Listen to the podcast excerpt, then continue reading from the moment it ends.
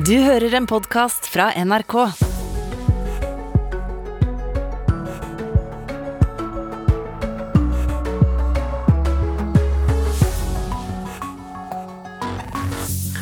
God morgen. Der noen bretter opp ermene for å ta fatt på en ny dag, så har noen allerede tatt på seg korterma, faktisk, og er klar for en ny dag i solen, eller det Ferie-Norge da måtte ha å tilby eh, der du er. Her i Nyhetsmorgen så har vi tenkt å tilby bl.a. dette. Statsminister Boris Johnson i Storbritannia er under hardt press i dag etter at to av hans mest betrodde ministre slutta i protest i går. Mange må endre ferieplanene sine på kort varsel pga. flygerstreken i SAS. Togselskapene er klare, som vi hørte i Dagsnytt. Og MDG utfordrer SV om utbygging av det nye olje- og gassfeltet Wisting. Jeg forventer at SV garanterer allerede nå at de ikke kommer til å stemme for et statsbudsjett som bidrar til utbygging av Wisting. Jeg kan garantere at SV kommer til å gå imot eh, Wisting-feltet. Og så spør vi da om USA egentlig er et forbilde for andre demokratier lenger. Diskusjonen reiser seg i samband med nasjonaldagsfeiringa sist mandag. Navnet mitt er Jon Branes. Vi ønsker deg en riktig god morgen. Og vi begynner altså med det som preger den politiske diskusjonen på den andre sida av Nordsjøen. Boris Johnson kjemper for sitt politiske liv nok en gang, etter at to av de viktigste statsrådene hans angrep hans lederskap og leverte inn avskjedssøknad i går kveld. Johnson eh, planlegger å fortsette, heller gjøre rokeringer i regjeringa si. Anders Tvegård, dette høres dramatisk ut. Hva er det som skjedde i går i Storbritannia, egentlig? Ja, det var med ti minutters mellomrom så leverte finansminister Rishi Sunak og helseminister Sajid uh, Javid inn begge sine avskjedssøknader. Disse to ses på som potensielle lederkandidater i uh, det konservative partiet. De skriver begge i brevene sine her at de har mistet tillit til Boris Johnson, og at situasjonen ikke kommer til å endre seg under hans ledelse. Og I oppsigelsesbrevet til Sunak så står det at innbyggerne forventer med rette at det blir styrt, det blir styrt på eh, skikkelig vis, kompetent og seriøst. Eh, og Dette her er jo da de to statsrådene som har stått midt i krisene de siste åra. Vi snakker da f.eks. om pandemihåndteringen, eh, hva det har kostet både menneskelig og for samfunnet, og ikke minst inflasjon. At det har blitt dyrere for stort sett alle, samtidig som lønna har blitt på samme nivå. Disse to hopper nå over til kritikersiden, som mener at det er over, at det er slutt for eh, statsministeren, mens Labour-partiet ikke overraskende kanskje eh, hevder at eh, Johnsons parti er ødelagt og demoralisert. Dette, en, eh, dette, kommer vi til å høre en del om framover. Men, men, disse statsrådene, eh, Sunak og Javid, de er jo allerede erstattet. Så her har Boris Johnson jobba kjapt, iallfall. Ja, og det er eh, dagens utdanningsminister, han heter Sahawi, som rykker opp til nummer 11, finansministerkontoret. Og så flytter Johnson stabssjefen sin til Helsedepartementet.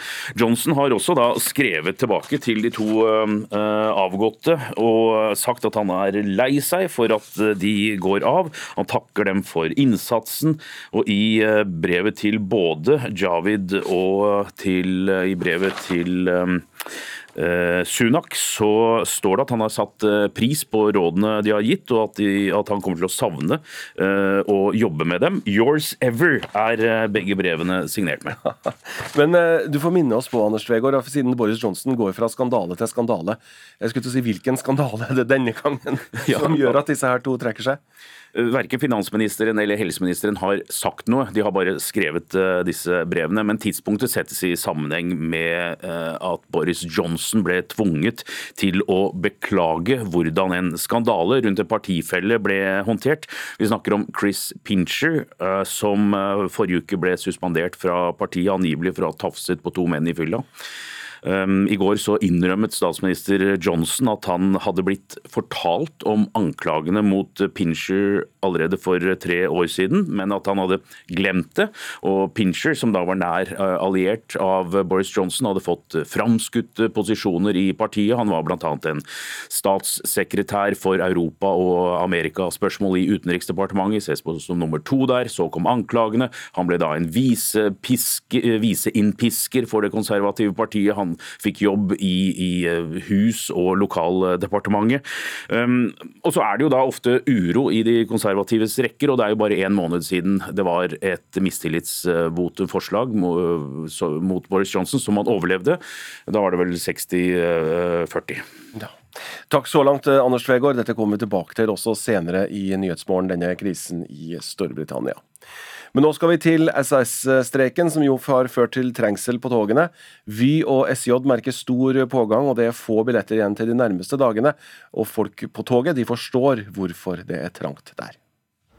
I tilfelle flyet ikke går, så kan toget bli bra. Ja, hvorfor ikke? Eh, helst fly, da. Eh, jeg har sett på en del alternativ, men uh, det virker som det ikke blir alternativ lenger, siden Alta blir fullbooka. Det er riktig. Det er mange tog som er stappfulle nå om dagen. Det er også mange henvendelser til kundesenteret i Vy, sier kommunikasjonssjef Gina Scholz. Og da er det veldig mange som spør hvilke muligheter har jeg for å reise ut av Norge? Vi har bussruter som går til Malmö, København og Gøteborg, men flere av disse reisene er i dag allerede utsolgt.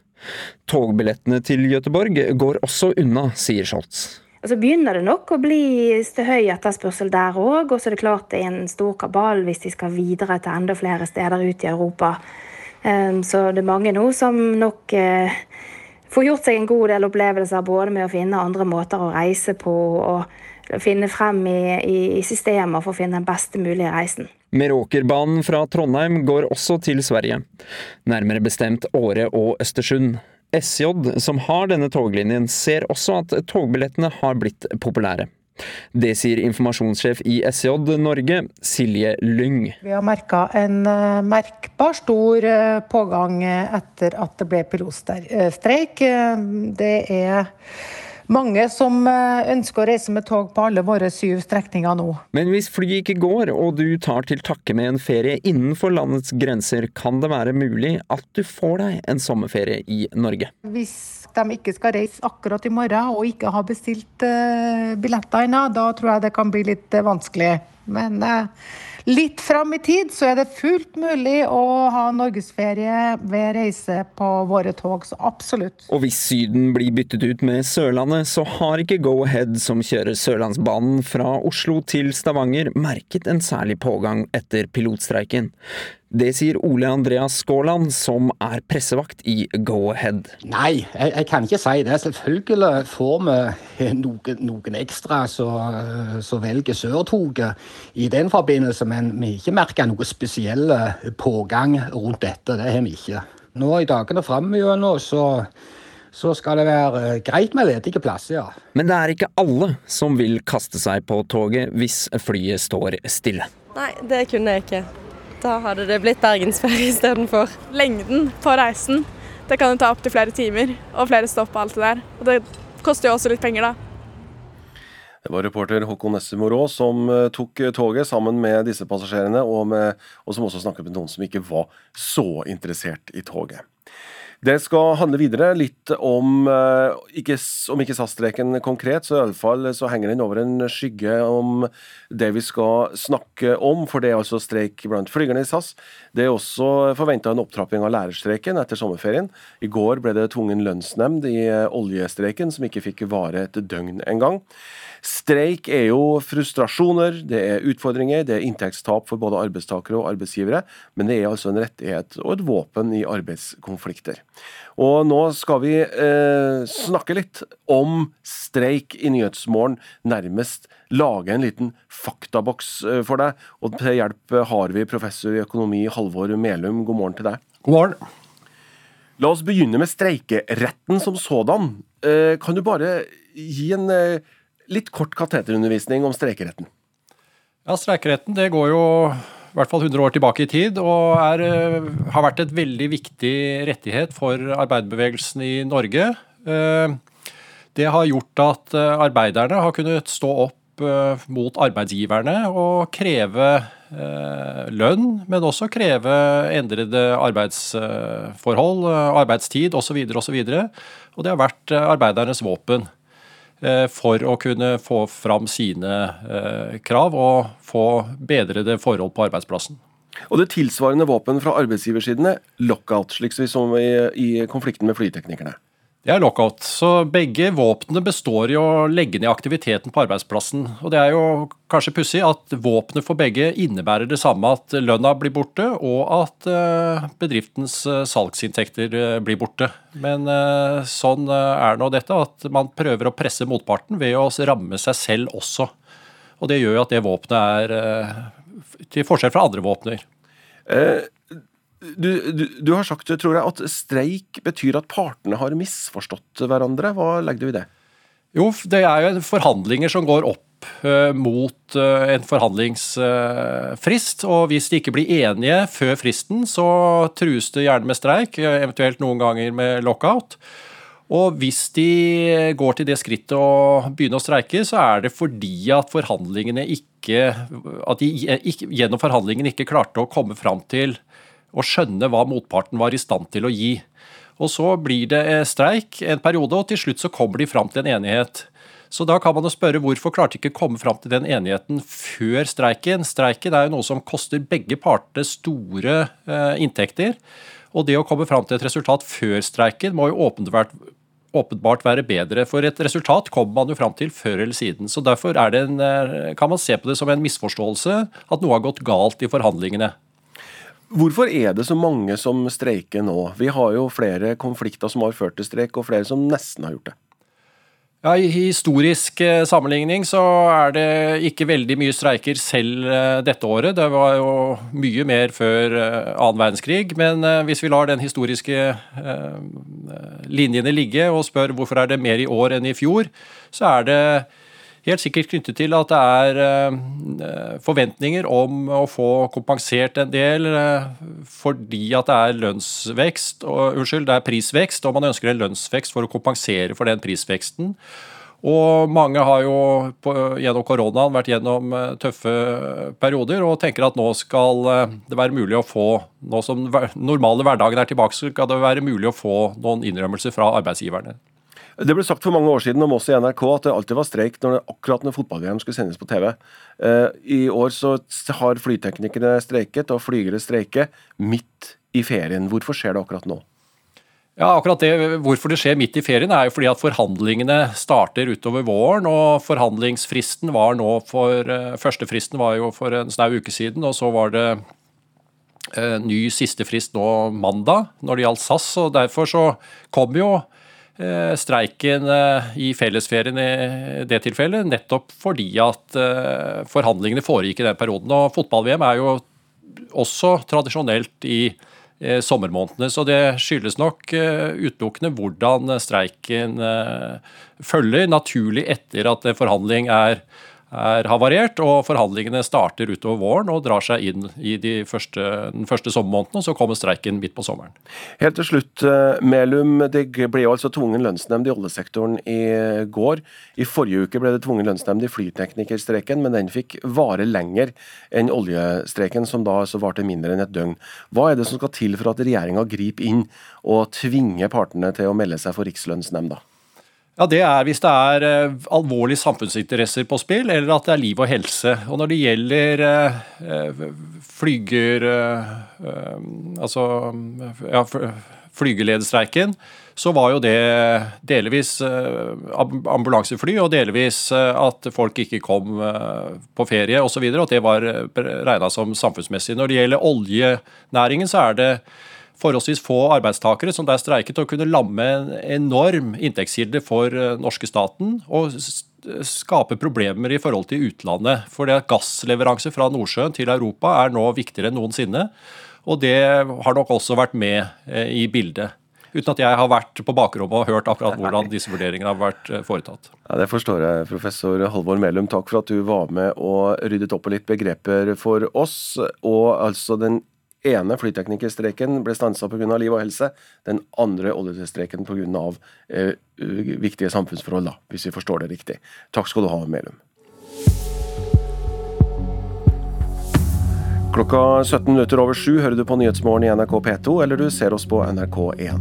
To av de viktigste ministrene i den britiske regjeringa går av. De har ikke tillit til Boris Johnson. Det er mange fulle tog etter at flygerne i SAS gikk ut i streik. Og snart skal du få høre at færre handler brukte klær enn det vi gjerne tror. Og at Fretex ikke tror alle unge kunder vil redde miljøet med det. Jeg tror de tenker på kult, kult, kult, kult, kult, og så fint at det er grønt og, og bærekraftig. Så skal vi tilbake til oljebransjen da, på et vis, fordi SV sier de vil gå mot det omstridte Wisting-feltet i Barentshavet, som etter planen skal bygges ut fra neste år. Men i årets statsbudsjett, som regjeringa nylig fikk vedtatt med støtte fra SV, så ligger Wisting inne som et felt under vurdering. Og Derfor krever Miljøpartiet De Grønnes eh, Lan Marie Berg en garanti fra SV for at Wisting-feltet blir stansa. Jeg forventer at SV garanterer allerede nå at de ikke kommer til å stemme for et statsbudsjett som bidrar til utbygging av Wisting. Det vil kunne bety kroken på døra for utbyggingen. Wisting-feltet blir nå den nye store kampsaken for miljøbevegelsen. Feltet er det største prosjektet på norsk sokkel. Det ligger hele 300 km fra land, og dessuten midt i et sårbart naturområde. Jeg syns det er vanskelig å skjønne hvordan SV kan stemme for en bevilgning på 26,5 milliarder kroner til å investere i nye olje- og gassfelt, inkludert planleggingen av Wisting-utbyggingen. I et brev til Stortinget skriver næringsminister Jan Christian Vestre at Wisting nå er et felt under vurdering. Men til tross for at SV har gitt regjeringa budsjettstøtte, varsler partiets energi- og miljøpolitiske talsperson Lars Haltbrekken kamp mot Wisting. Jeg kan garantere at SV kommer til å gå imot Wisting-feltet. Det kommer som en egen sak til Stortinget. Det er ikke gjennom statsbudsjettet at den saken avgjøres. Gir det deg litt sånn vond smak i munnen å, stemme for et budsjett hvor man bruker 26 milliarder kroner på ny olje- og gassutvinning? Vi vil stoppe all ny olje- og gassutvinning, og så er det dessverre ikke flertall for det på Stortinget i dag. Han viser til at SV har sørga for at det ikke blir noen ny oljeboring ved iskanten i år, og for at det ikke gjennomføres noen ordinær utdeling av nye oljefelt til oljeselskapene. Og Dette har vært viktige seire, og vi har vist at vi har klart å flytte oljepolitikken i riktig retning. For Equinor vil det være viktig å få på plass en plan for utbygging og drift av feltet før jul. Årsaken er at prosjektet da vil komme inn under den gunstige oljeskattepakken fra 2020. Og apropos oljeskattepakken, jeg tror de fleste av oss kan se at med de høye oljeprisene vi har nå, så har det vært helt unødvendig. Men det visste vi ikke da. Dette må vi vel ta på kappen for at norsk politikk gjorde en feil. SV vant i vår ikke fram med sitt forslag om å skrote pakken som Erna Solberg la fram i 2020, men som hun nylig kritiserte her i NRK. Det er klart at Oljeskattepakken er et kjempeproblem. Før oljeskattepakken kom, så lå Oskar Wisting-feltet i en skuff. Investeringskostnaden for Wisting er beregna til mellom 60 og 75 milliarder kroner. Det kan bety at staten gjennom sitt eierskap vil bruke mange milliarder på å bygge ut feltet. Wisting vil gi et overskudd gjennom levetida på 40 milliarder, inkludert avgifter, ifølge Equinors beregninger. MDG og SV mener uansett at feltet må stoppes. Det som er spesielt med Wisting, er at det er en klimabombe. Et kjempestort oljefelt som også ligger veldig langt nord i Barentshavet, og som har store utfordringer knyttet både til natur og dyreliv og til beredskap. Reporter i dette innslaget var Kristian Skårdalsmo.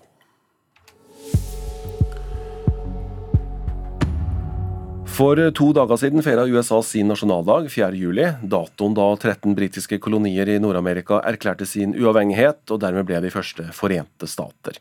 Mange har sett på USA som forbilde for folkestyret i andre land gjennom snart 250 år.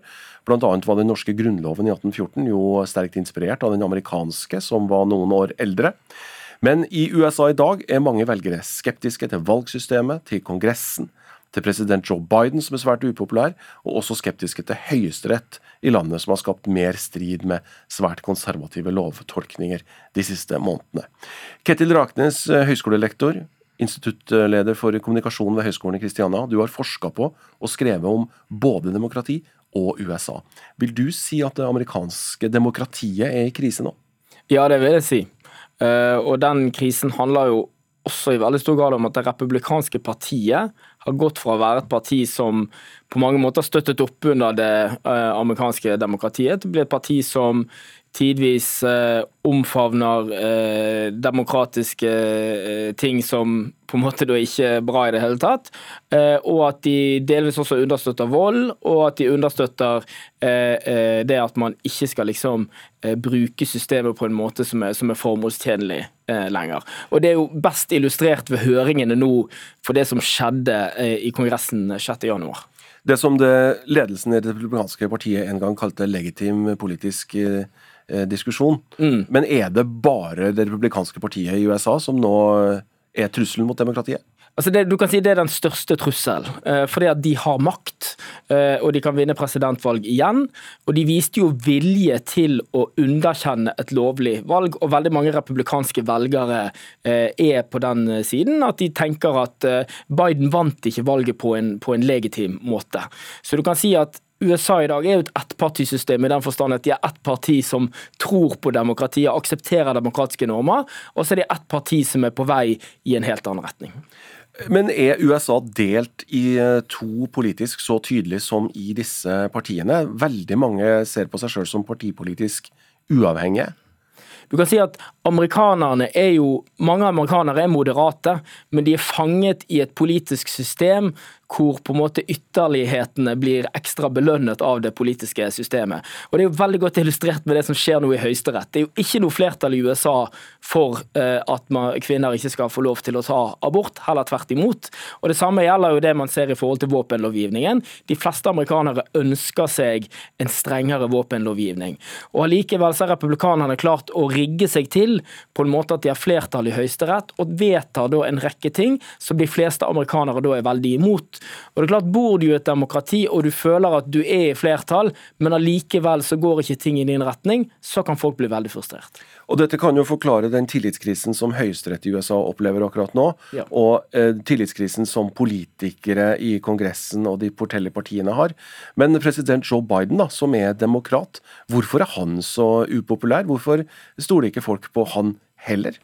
Fordi at eh, det har gått veldig dårlig etter Biden tok over. USA befinner seg i en eh, kjempestor økonomisk eh, krise.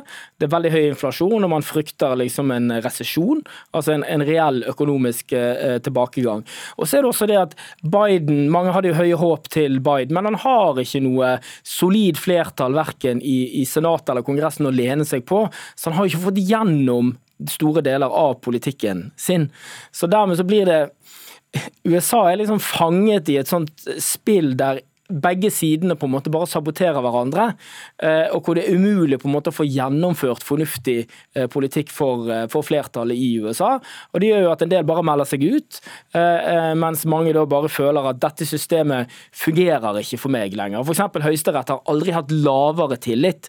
Og En måte vi måler kvaliteten i demokratiet på, er å se på tilliten til sentrale institusjoner. Sånn så 80% av nordmenn mener at Stortinget gjør en god jobb. I USA er det til tallet 15-20% på Kongressen. Eh, helt til slutt, Ketil Raknes, Vi kan jo lett se på amerikansk politikk som en slags såpeopera her vi sitter. Men dette er jo det, den nasjonen som Norges og Vest-Europas forsvar hviler på i en kritisk tid. Ja. Kan vi stole på USA framover? Jeg tror vi kan stole på USA i den forstand at veldig mange institusjoner i USA vil gjøre alt de kan for liksom å opprettholde USA sånn som, sånn som, det er. Men problemet er at det foregår ting i det amerikanske demokratiet som gjør at amerikanerne kan komme til et punkt hvor de blir så opptatt av sine indre problemer at, eh, at internasjonal sikkerhet og andre problemer kan komme i bakgrunnen. Tusen takk skal du ha, Ketil Raknes. Vi skal eh, bytte tema ganske greit, for det er ikke først og fremst miljøet de fleste unge tenker på når de handler brukte klær, skal vi tro forskere. Unge kjøper mer brukt enn resten av befolkninga, men det er for å se bra ut, og ikke for å redde miljøet, viser en undersøkelse fra Australia. Et inntrykk som deles av daglig leder i Fretex i Tønsberg. Jeg tror de tenker på kult, kult, kult, kult, kult, og så fint at det er grønt og, og bærekraftig. Det er nok mange som ikke tenker bærekraftig og grønt heller, men som bare tenker brukt, altså. Og som etterpå sier ja når folk sier 'å, så fint at du har kjøpt noe bærekraftig'. Sant? Så jeg tror det handler om kulhet hele veien. Det sier Katarina Grønmyr, daglig leder ved Fretex Tønsberg, om saken. Hun sier halvparten av kundene deres er unge mennesker, og en av dem er Anna Raudberget. Hun har miljøet i tankene når hun vandrer rundt blant klesstativene. Først og fremst for miljøets del. Det er det jo. Handle på nett er en ting jeg syns er dødskjedelig. Handle i, på, i butikk er også noe jeg syns er veldig kjedelig. Men et eller annet med Fretex og andre vintagebutikker syns jeg er litt mer spennende og litt mer autentisk og litt gøy. Det lukter litt rart. Men det å kjøpe brukt er ikke så vanlig som mange kanskje tror. Professor i klær og bærekraft, Ingunn Grimstad Klepp, har forsket på temaet i 20 år. Hun sier det er media som har satt søkelyset på unge og gjenbruk.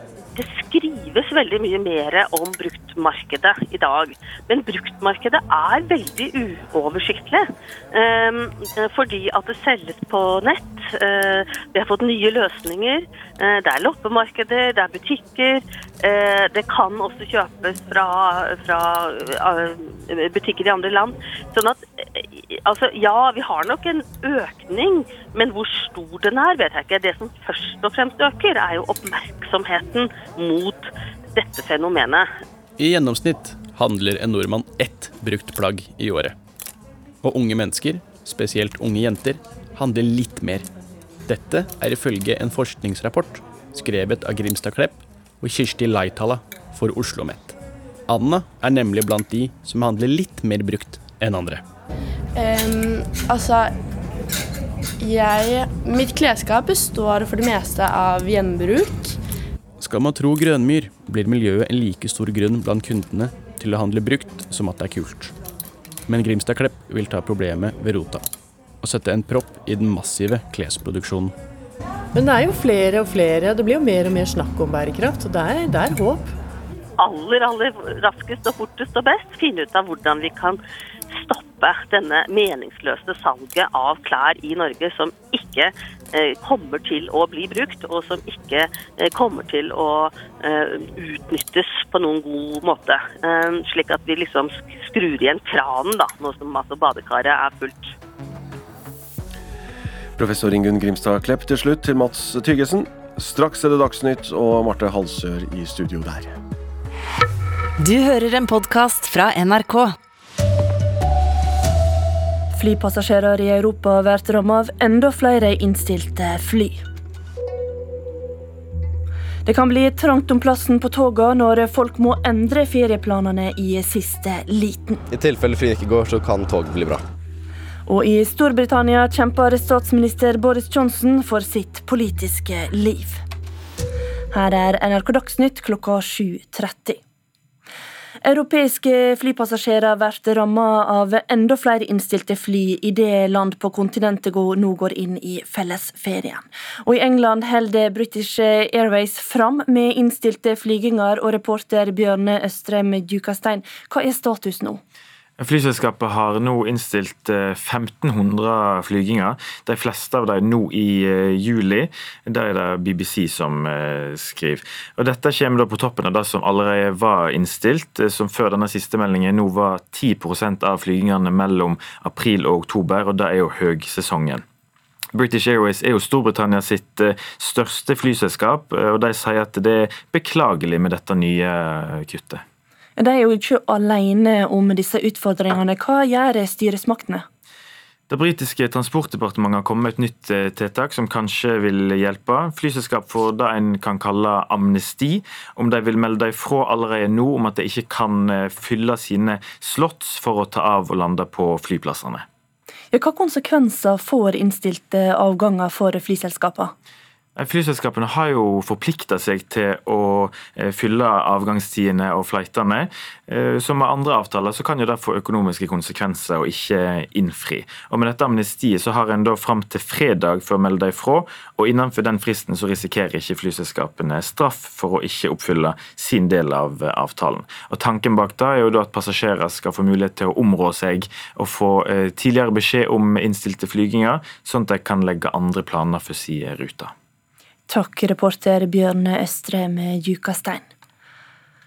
Og SAS-streiken har ført til at flere velger å reise med tog. Vi og togselskapet SJ merka en stor pågang etter at pilotene i SAS gikk ut i streik. Og folk de forstår hvorfor det er trangt på togene nå. I tilfelle flyet ikke går, så kan tog bli bra. Ja, hvorfor ikke? Eh, helst fly, da. Eh, jeg har sett på en del alternativ, men uh, det virker som det ikke blir alternativ lenge siden Alta blir fullbooka. Det er riktig. Det er mange tog som er stappfulle nå om dagen. Det er også mange henvendelser til kundesenteret i Vy, sier kommunikasjonssjef Gina Scholz. Og da er det veldig mange som spør hvilke muligheter har jeg for å reise ut av Norge? Vy har bussruter som går til Malmö, København og Gøteborg, men flere av disse reisene er i dag allerede utsolgt. Togbillettene til Gøteborg går også unna, sier Scholz. Og Så begynner det nok å bli høy etterspørsel der òg, og så er det klart det er en stor kabal hvis de skal videre til enda flere steder ut i Europa. Meråkerbanen fra Trondheim går også til Sverige, nærmere bestemt Åre og Østersund. SJ, som har denne toglinjen, ser også at togbillettene har blitt populære. Det sier informasjonssjef i SJ Norge, Silje Lyng. Vi har merka en uh, merkbar stor uh, pågang etter at det ble pilotstreik. Uh, det er mange som ønsker å reise med tog på alle våre syv strekninger nå. Men det er ikke alle som vil kaste seg på toget hvis flyet står stille. Nei, det kunne jeg ikke.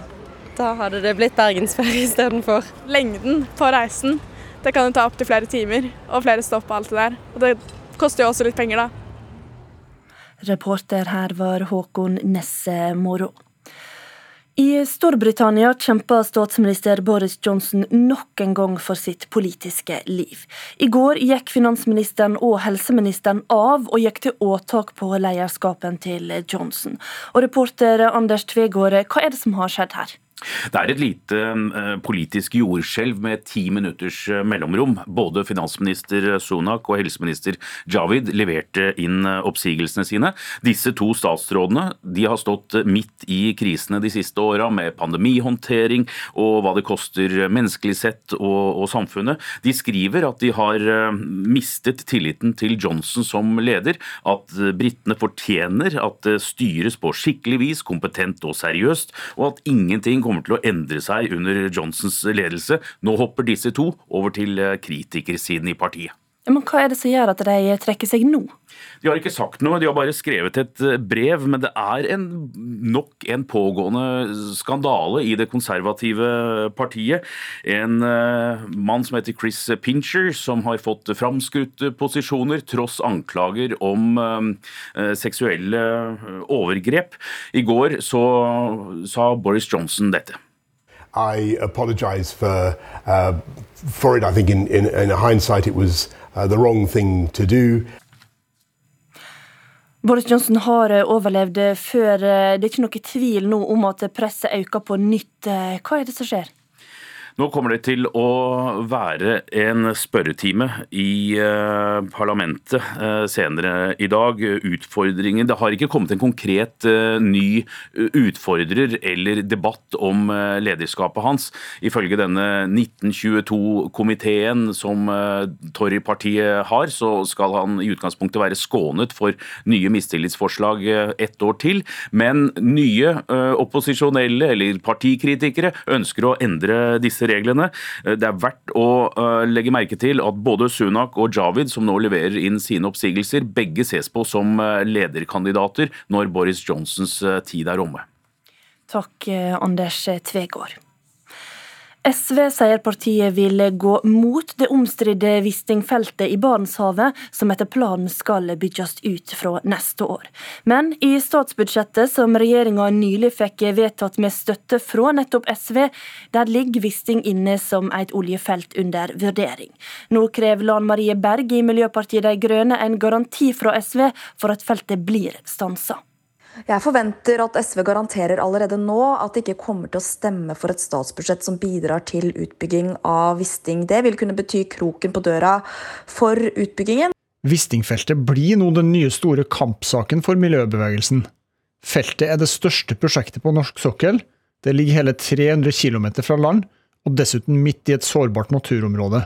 Jeg syns det er vanskelig å skjønne hvordan SV kan stemme for en bevilgning på 26,5 milliarder kroner til å investere i nye olje- og gassfelt, inkludert planleggingen av Wisting-utbyggingen. I et brev til Stortinget skriver næringsminister Jan Christian Vestre at Wisting nå er et felt under vurdering. Men til tross for at SV har gitt regjeringa budsjettstøtte, varsler partiets energi- og miljøpolitiske talsperson Lars Haltbrekken kamp mot Wisting.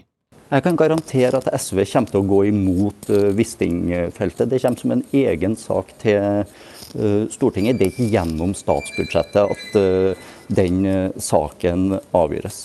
Gir det deg litt sånn vond smak i munnen å stemme for et budsjett hvor man bruker 26 milliarder kroner på ny olje- og gassutvinning? Vi vil stoppe all ny olje- og gassutvinning, og så er det dessverre ikke flertall for det på Stortinget i dag. Han viser til at SV har sørga for at det ikke blir noen ny oljeboring ved iskanten i år, og for at det ikke gjennomføres noen ordinær utdeling av nye oljefelt til oljeselskapene. Og dette har vært viktige seire. Reporter her var Kristian Skådalsmo. Besøkstallene på kinoene er nå tilbake der de var før pandemien. Tallene for mai i år er faktisk litt bedre enn for mai de siste fem åra før pandemien. Er du blant de som har sett den nye Top Gun Maverick på kino? Det har du i tilfelle gjort sammen med over 400 000 andre her i landet. For første gang på lenge ser det ut som at besøkstallene for kinoene er tilbake slik de var før pandemien, sjøl nå i sommertider. Ja, fint. Flott. Faktisk er mai i år hakket bedre for kinoene enn mai-månedene i snitt de siste fem åra før pandemien. Og det gleder Guttorm Petterson i bransjeorganisasjonen Film og Kino. Nei, Nå ser det faktisk ut som eh, at eh, vi kan være tilbake i, i der vi var før pandemien. Litt tidlig å si, men, eh, men alt tyder på det. Da kinoene var stengte eller delvis stengte, var det mange av de store produsentene som sendte filmene sine rett på strømmetjenester, i stedet for på kino først. Også filmskaper Joakim Trier heier på kinoene. Han er en av fire filmskapere som nylig vant den ærefulle Anders Jahre kulturpris. Jeg syns det er viktig at vi hele tiden passer på å beskytte kinorommet. Fordi jeg tror, når du tar med barn på kino, så ser du hvor fantastisk sterkt det er. Det, det er ingen barn jeg noen gang har møtt som ikke syns det er kjempegøy å gå på kino. Reportere her var Ida Yasin Andersen, Kristin Sverre Østenvik og Elise Kvien. Ansvarlig for Dagsnytt i dag er Arild Svalbjørg, i studio Marte Halsør.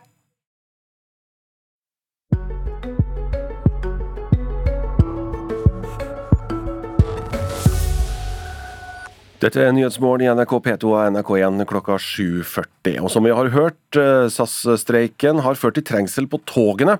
Men buss er også et alternativ, selv om veien kan være lang. Klokka åtte skal finnmarkinger som er ramma av flystreiken reise fra Alta sentrum til Oslo. Og det er ikke noe vanlig rutebuss det, reporter Kristina Gjertsen? Det er definitivt ikke en vanlig rutebuss, for her har busselskapet vært superkreativ og lasta opp bussen full med passasjerer. Og vi har med oss bussjåføren. Og eh, Odd Reidar Grønning, hvordan kom dere på denne ideen? Det må eh, sikre at folk kommer seg på ferie. Det har vært to år med korona og ja, gode tider hvor de ikke har fått gjort det man ønsker. Så da det er kjedelig å bli ramma med flystreik. Hvilke tilbakemeldinger fikk dere fra passasjerene når dere satte opp denne ruta og de endelig kom seg sørover? Ja, det, det, har vært formidabelt. Eh, jeg tror ikke han klarer å telle hvor mange telefoner han har fått i løpet av gårsdagen. Vi ser jo her, Det koker med folk rundt her. Det koker, som du sier. og eh, Er her noe dere kommer til å gjøre igjen? Det er nok en fare for det, ja. Det, vi skal se hva, hvor lenge streiken blir å pågå. En av eh, passasjerene som har reist langt, og som ikke bare skal til Oslo, men hun skal enda lenger, det er deg, Lea. Kan du fortelle om den strabasiøse reisen din? Ja, eh, jeg har reist fra Berlevåg eh, helt til klokka ti eh, i går kveld. Jeg har ikke sovet noe, bare ventet på flyplassen eh, i Tromsø. Og jeg skal til helt til Mallorca. Til Mallorca? Hvor lang tid forventer du å bruke på denne reisen? Nei, videre når jeg kommer meg til Oslo, skal jeg jo ta åtte timer med buss igjen til Stavanger. Så det blir jo enda lengre. Hva tenkte du da du oppdaga at det faktisk går buss for fly fra Alta til Oslo? Jeg har aldri hørt noe lignende, men jeg ble veldig glad at jeg endelig kom på ferie. sånn at ja, Det har ikke meldt så fint vær over i Finnmark, og jeg vil godt komme meg vekk. Hva skal du bruke de neste 24 timene på på denne bussturen? Uh, ja, det blir vel uh, å se kanskje fin natur, og Finland, Sverige og. Vi får håpe man ser noen fine dyr. Da vil jeg ønske deg en god tur eh, videre, Lea. Og eh, som dere ser, så er det grått og tungt rundt meg i Alta i dag, men stemninga på denne bussen som skal gå til Oslo, den er i hvert fall ikke tung. Over til dere i studio. Ja, tusen takk skal du ha, Kristina Gjertsen. Dette busselskapet setter altså opp en buss pga. flygerstreken i SAS, som fortsetter. Og Tidligere i Nyhetsmorgen har vi jo snakket både om streikeretten og om eh, de, forskjellige, de, de, forskjellige, mekanismene i det norske arbeidslivet. Vi skal si at vi etter klokka åtte også kommer til å snakke om flykaos andre steder i Europa, eh, i og med at British Airways bl.a. har kansellert en rekke av sine flygninger. Eh, og eh, dette er jo en eh, dette er jo en bransje som sliter, og det kan hende buss, eller for så vidt tog, kan være alternativ for mange. Ellers i Nyhetsmorgen så skal vi høre mer om krigen i Ukraina, for den raser jo videre. I øst eh, i helga så fikk Russland kontroll over Luhansk fylke. Nå eh, flytter russiske styrker seg sørover, eh, beretter medier og også ukrainske kilder. Og kampen vil stå om Donetsk fylke, som er det andre fylket som russiske separatister har har erklært som uavhengig. Vi skal også rett etter klokka åtte snakke om Storbritannia, der den britiske statsministeren altså er under press etter at to viktige ministre gikk av i går kveld. Og SAS-streken som vi hørte, den fortsetter. Togselskapene har pågang. Litt fram i tid så er det fullt mulig å ha norgesferie ved reise på våre tog. Nyhetsmorgen fortsetter helt fram til klokka ni, selv om vi også kan sies å ha litt sommerruter. I Politisk kvarter så er det nemlig også sommertilbud. I dag skal Høyre-leder og tidligere statsminister Erna Solberg være gjest hos programleder Kristian Skårdalsmo. Og et av emnene er nettopp hvordan krigen i Ukraina har endra Norges forhold til eh, vår største nabo, Russland.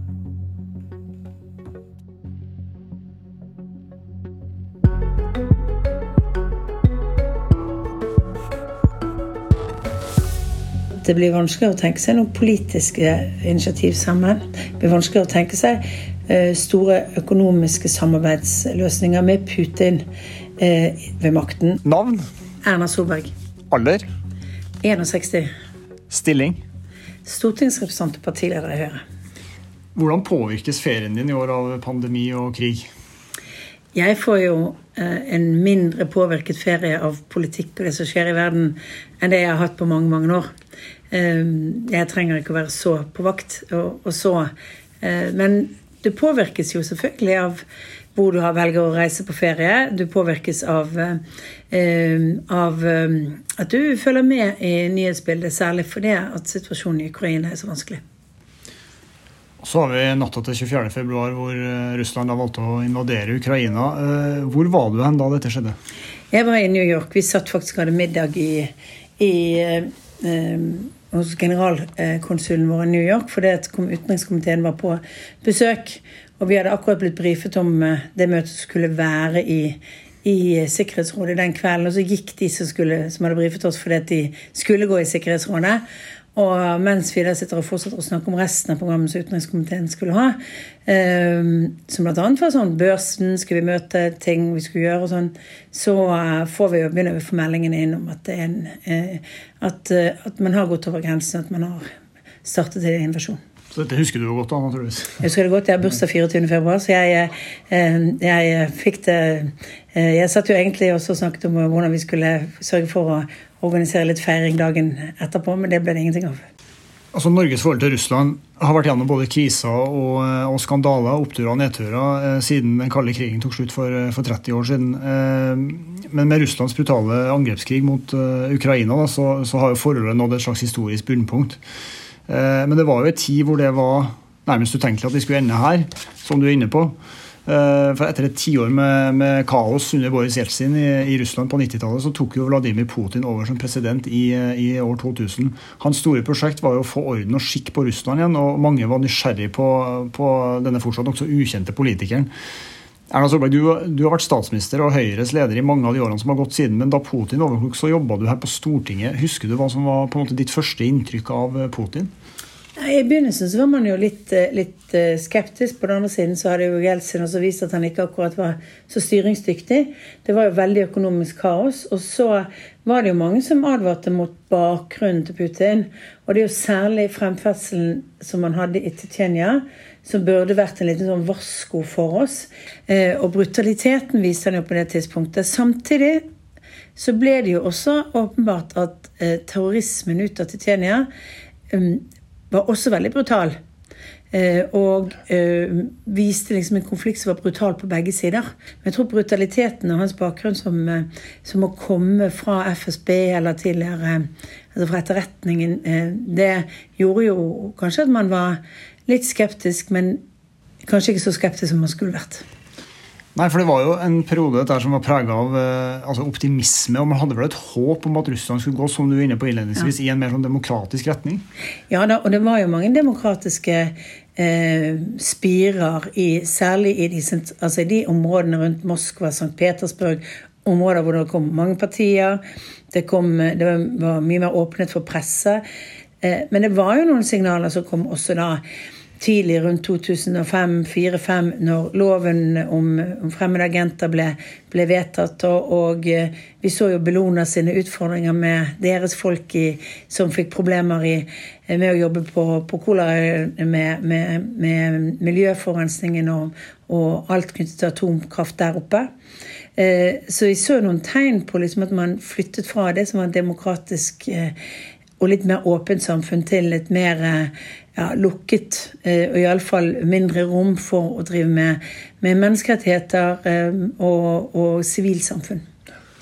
Og så ble jo denne Kulminasjonen på den optimismen ble vel egentlig denne delelinjeavtalen som Norge inngikk. da, Etter en svært lang forhandlingsprosess eh, så ble man enig om hvordan man skulle samarbeide om, om store områder i Barentshavet. og det, det, ble kanskje et slags høydepunkt da, i et, samarbeidet mellom landene etter, etter, den kalde krigen. Hvilke tanker gjorde du da, da om hvordan dette samarbeidet kunne utvikle seg framover? Ja, det var en kulminasjon på Norges forhold, men vi hadde allerede da sett noen av de utfordringene som lå foran oss. Vi så uh, talen som Putin hadde på München-konferansen i 2007, hvor han snakket om at uh, russisk politikk eller russiske interesser var ikke bare innenfor landet Russlands grenser, men det var for der russere bodde uansett. Litt sånn eh, hvor det var mye diskusjon rundt det. Det var mange som, som liksom tolket at dette var mer retorikk for hjemmepublikum. Men eh, så så du at han eh, Altså konflikten med, med, med Georgia så vi hadde jo sett noen signaler til at dette gikk i en litt annen retning. Og så kan du alltid si at kanskje vi tolket Georgia veldig feil. Jeg tror det. Jeg tror vår største feil fra Vesten sin side var å trykke på denne restart-knappen etter Georgia-konflikten så raskt. Obama hadde behov for å begynne på nytt. Eh, det var nye eh, Man skulle ta nye initiativer og sånt. Men det gjorde nok at, eh, at eh, Putin følte han kunne komme ganske lett unna med ting. Eh, og så tror jeg man rett og slett ikke skjønte at, hva dette betyr av å senke terskelen for Putin. Det var jo veldig annerledes i 2014. Vi kommer til det nå, for I 2011 og 2012 så gikk jo situasjonen i Russland veldig dramatisk til det verre, med, med massearrestasjoner av demonstranter og massiv undertrykkelse av mm. opposisjonelle. og I vinteren og våren 2014 da, så, så nådde jo også dette norsk-russiske forholdet et slags bunnpunkt, da, med foreløpig bunnpunkt da, med, med anneksjon av Krim. Eh, Erna Solberg, du var statsminister da dette skjedde. Eh, hvordan endra denne hendelsen Norge sitt forhold til Russland?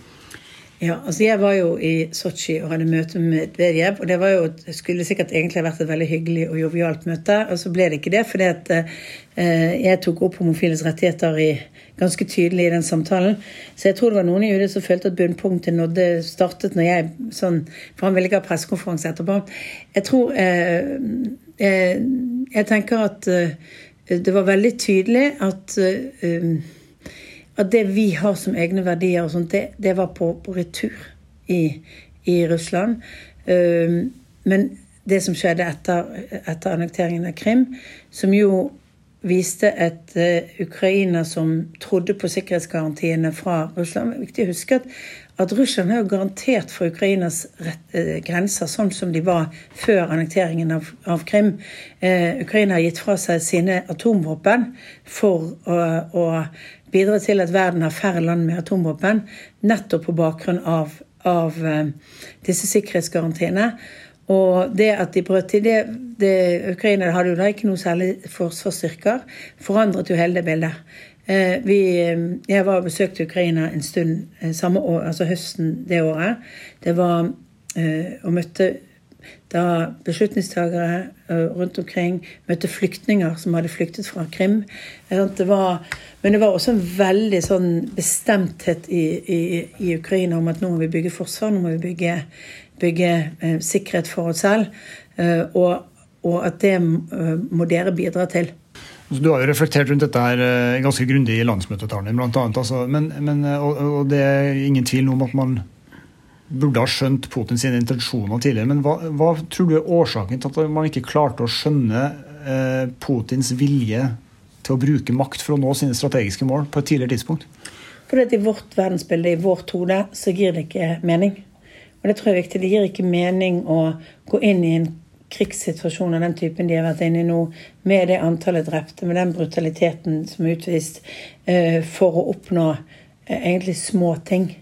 Eh, og det å bli en paria i resten av verden, som, som jo egentlig Putin og ledelsen i Kreml har blitt, det gir oss rett og slett ikke mening. Og det er fordi vi kanskje er for dårlige for å sette oss inn i det verdensbildet og det som foregår i i et russisk eh, Altså en autoritær russisk leder sin, sin, tankevirksomhet. Du er litt inne på det. Du har, du har møtt Putin flere ganger. Hva slags inntrykk har du av mannen, personen Vladimir Putin? Ja, jeg har jo møtt han noen ganger sånn på sånn veldig kort høflighetsprat. Og så har jeg hatt et lengre møte med han i, i St. Petersburg. Og, og, det var jo på det tidspunktet vi håpet at nå kunne vi kanskje gjennomta litt mer av, av samhandlingen. Eh, jeg opplevde samtidig at han var eh, litt at han var kalkulert. Altså Jeg tenkte at jeg var på prøve. Var på liksom vurdering. Det, ikke, det var, eh, var, ikke mannen å sette seg ned og, og liksom smalltalke med, eller et eller annet sånt. Det følte liksom at det var Han forsøkte å, å utfordre litt på, på, det. Og det er kanskje ikke så rart i en situasjon hvor vi hadde sterke sanksjoner eh, gjensidig mot eh, hverandre og hele Vesten. Det var eh, midt oppi Berg-saken, som jo egentlig var for domstol akkurat da. Så tror jeg at jeg møtte en person som var mer, mer kalkulert og reservert enn en del andre politikere du møter. Kanskje også en, en altså, Sånn blir kanskje autoritære eh, ledere òg. Hva, hva, er det vi ikke har forstått med Putin, da? Jeg tror ikke, jeg tror vi, har, jeg tror ikke vi har tatt alt han har sagt, på alvor. Jeg tror rett og slett at, at innimellom så har vi noen ganger tolket talene hans som at det har vært ment for et hjemlig publikum, ment for en sånn Men at de faktisk har vært mer representativt for tanke, tankesynet hans. Helt tilbake til denne talen i München sikkerhetskonferanse, hvor han altså definerer sikkerhet på en helt annen måte enn sine egne landegrenser. Overordnet stort spørsmål, du er inne på det nå, men hva har denne krigen i Ukraina gjort med Norges forhold til Russland? Eh, den har jo ødelagt mange sider av Norges forhold til Russland. Det var jo en gryende optimisme med næringsvirksomhet, med utveksling, med tilstedeværelse. Så jeg har lyst til å si at det er ikke krigen i Ukraina først og fremst, det er jo også vilkårligheten i russisk politikk. Mye av problemene startet jo før 2014 også, ved at det ble mer vanskelig for norske næringsdrivende å drive der. Det ble mer vanskelig for organisasjoner og sivilsamfunn å samarbeide. Eh, fordi du får dette stempelet som, som, at du er agent. altså Det blir en risiko for folk å samarbeide med, med, med internasjonale organisasjoner. Eh, vi hadde på et tidspunkt eh, Nordisk råd sine kontorer som ble, ble rett og slett reidet av politiet i St. Petersburg. Vi kunne hatt et annet samarbeid. Vi kunne hatt et samarbeid hvor utdanningssamarbeidet, forskningssamarbeidet, teknologisamarbeidet hadde gått bedre. Hvor vi hadde i fellesskap kunne jobbet med atomsikkerhet og og olje- og gassikkerhet. Sant? Det er jo et land med store ressurser, men som også har mye sløsing og dårlig sikkerhet rundt tingene de gjør. Altså det har jo vært Den norske strategien har vært å ha to tanker i hodet samtidig. Eh, og Man skal engasjere seg med Russland samtidig som man skal være fast i, fast i klypa, så å si. Hva skjer med denne nokså velprøvde doktrina framover nå? Jeg tror at vi fortsatt altså Vi har noen felles utfordringer og områder vi må håndtere. Og Derfor mener jeg at fiskerisamarbeid, eh, varsling i nord, ulykker, alt det som vi har gjort. Altså, jeg fikk en telefon fra Medejev etter ulykken eh, som russerne hadde i, på Svalbard. Altså, de setter pris på, Selv om det var ganske kjølig på det tidspunktet, sant? så setter de pris på det arbeidet eh, som vi gjør, og at vi stiller opp. Og på samme måte så skal, så skal vi sette pris på når de bidrar inn, inn, i samhandlingen. Det tror jeg at vi skal leve sammen på en måte eh, eh, med de felles utfordringene som vi har i nordområdene, og forsøke å holde Eh, spenningen lavest mulig, og samarbeide på sivile oppgaver. Men det, at det blir vanskeligere å tenke seg noen politiske initiativ sammen. Det blir vanskeligere å tenke seg eh, store økonomiske samarbeidsløsninger med Putin eh, ved makten. Og så er det jo sånn at dette er det det snakkes om. Det er snakk om dagens regime med Putin i ledelse. Russerne skal vi kunne ha et godt forhold til, men systemet sånn som det er i dag, det er vanskelig å få til. Så, så, det du egentlig sier, at uh, en, et nærmere norsk politisk forhold til Russland betinger egentlig en regimeendring i Russland? Ja, det betinger at det kommer andre med andre tanker inn i Som også kan anerkjenne at det er ikke den måten man driver utenrikspolitikk på som å nå eh, invadere naboland. Det er ikke den måten man, vi, må, vi må ha et naboland som spiller etter de internasjonale spillereglene for hvordan man løser diskusjoner, konflikter og annet. Hvordan vil du beskrive legitimiteten til regimet som er her nå? da? Det er åpenbart valgt av russerne. Jeg tror ingen av oss, Selv om det har vært valgfusk og det var vel en, noen valgkretser for noen år siden hvor det var 110 støtte til Putin. Er liksom, da, da, er det liksom litt åpenbart. Men, men, men, eh, men, jeg tror ingen av oss skal si at ikke han er valgt av det russiske folk. Eh, men det er klart, opposisjon er nesten umulig å drive. Det er rett og slett livsfarlig for øyeblikket. Så det er et autoritært Eh, regime vi står overfor, som er, eh, begynner å bli mer totalitært enn det noen gang har vært. Eh, men i den internasjonale verden, med de handlingene Russland gjør, så er det om ikke et illegitimt styre i Russland, så er det et styre som altså har satt seg over og sannsynligvis har bidratt til, til krigsforbrytelser. Hva helt konkret må til for at det skal være en politisk tilnærming mellom Norge og Russland? Jeg oppfatter at det er vanskelig å tenke seg at et, et land ledet av Putin eller hans nærmeste kan, at det kan komme en tilnærming. Hvis ikke det foregår en eller annen form for internasjonal forsoning som klarer å løse dette, og hvor man eh, faktisk ser at det man har gjort, er feil. Du har hørt en podkast fra NRK. De nyeste episodene hører du først i appen NRK Radio.